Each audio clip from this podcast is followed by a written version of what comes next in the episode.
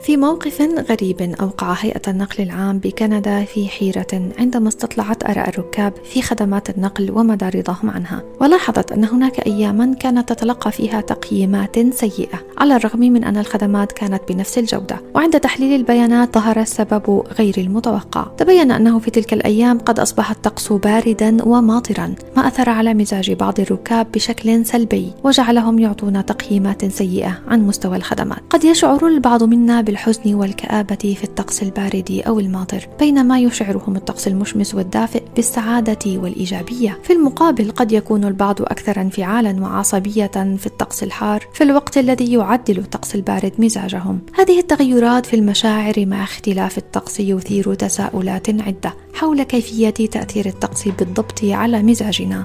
دعونا نكتشف ذلك. أنا رنا سيلاوي وهذا بودكاست سوالف طقس من طقس العرب. أهلا بكم.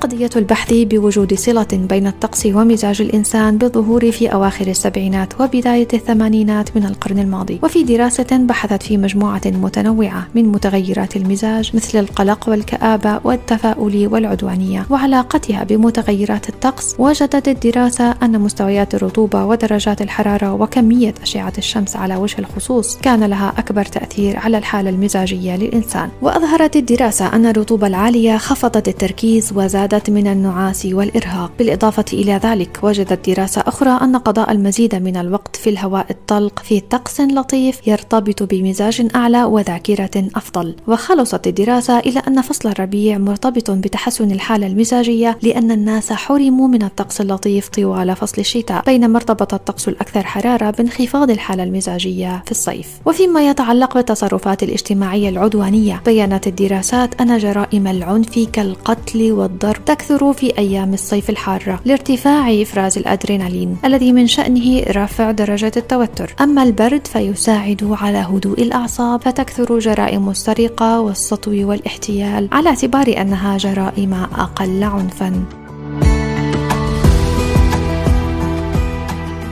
الكيفية التي يؤثر بها الطقس على الحالة المزاجية تختلف اختلافا كبيرا من شخص لآخر. وفي الواقع هناك دراسات لم تجد صلة واضحة بين الطقس ومزاج الإنسان وقد يكون السبب في ذلك هو أن مزاج الإنسان معقد للغاية والعديد من العوامل تؤثر عليه. لنأخذ على سبيل المثال الشعور بالكآبة خلال أيام الشتاء والذي يحدث بشكل أساسي بسبب قصر ساعات النهار ونقص أشعة الشمس التي تعمل على زيادة إنتاج السيروتونين في الجسم. والسيروتونين هو مادة كيميائية طبيعية تعزز الشعور بالسعادة والرفاهية كما تساعد أشعة الشمس على تحفيز إنتاج فيتامين دي أو فيتامين د في الجسم والذي يعتبر أيضا عاملا مهما في تحسين المزاج وتخفيف الأعراض النفسية. لذلك يمكن أن تؤثر الأيام الغائمة والماطرة بشكل سلبي على مزاجنا بحيث ينخفض مستوى السيروتونين في الجسم ويزداد إنتاج هرمون الميلاتونين وهو الهرمون الذي يجعلنا نشعر بالنعاس والتعب ما قد يؤثر بشكل سلبي على عملنا وحياتنا اليومية.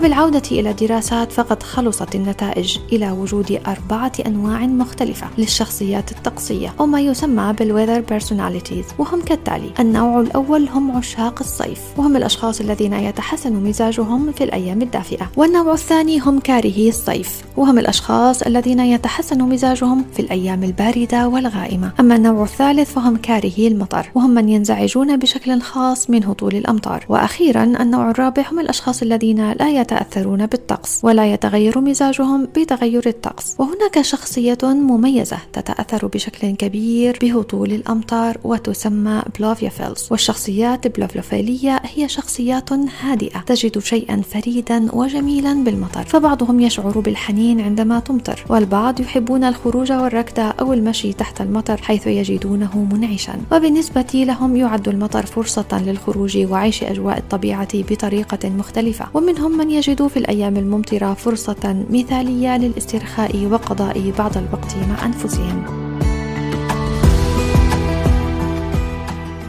يبدو أن الطقس له تأثير حقيقي وقابل للقياس على مزاج الكثير من الناس وقد يؤثر الطقس السيء على نشاطنا ومستويات الطاقة التي نمتلكها. لذلك فإن فهم الكيفية التي يؤثر بها الطقس على مزاجنا يمكن أن يساعدنا في التعامل معه بشكل أفضل والحفاظ على صحتنا النفسية. وفي النهاية يجب أن نتذكر أن الطقس هو عامل مؤثر على مزاجنا وحالتنا النفسية ولكننا نمتلك القدرة على التعامل معه بشكل إيجابي. والعثور على الأنشطة التي تساعدنا على الشعور بالسعادة مثل تناول الأغذية الصحية وممارسة التمارين الرياضية والأنشطة الهادفة والمسلية. وفي الختام. نشكر لكم حسن الاستماع ونأمل أن تكونوا قد استفدتم من المعلومات التي قدمناها لكم. على أمل اللقاء بكم في الحلقة القادمة. دمتم بخير وعافية ومزاج جيد.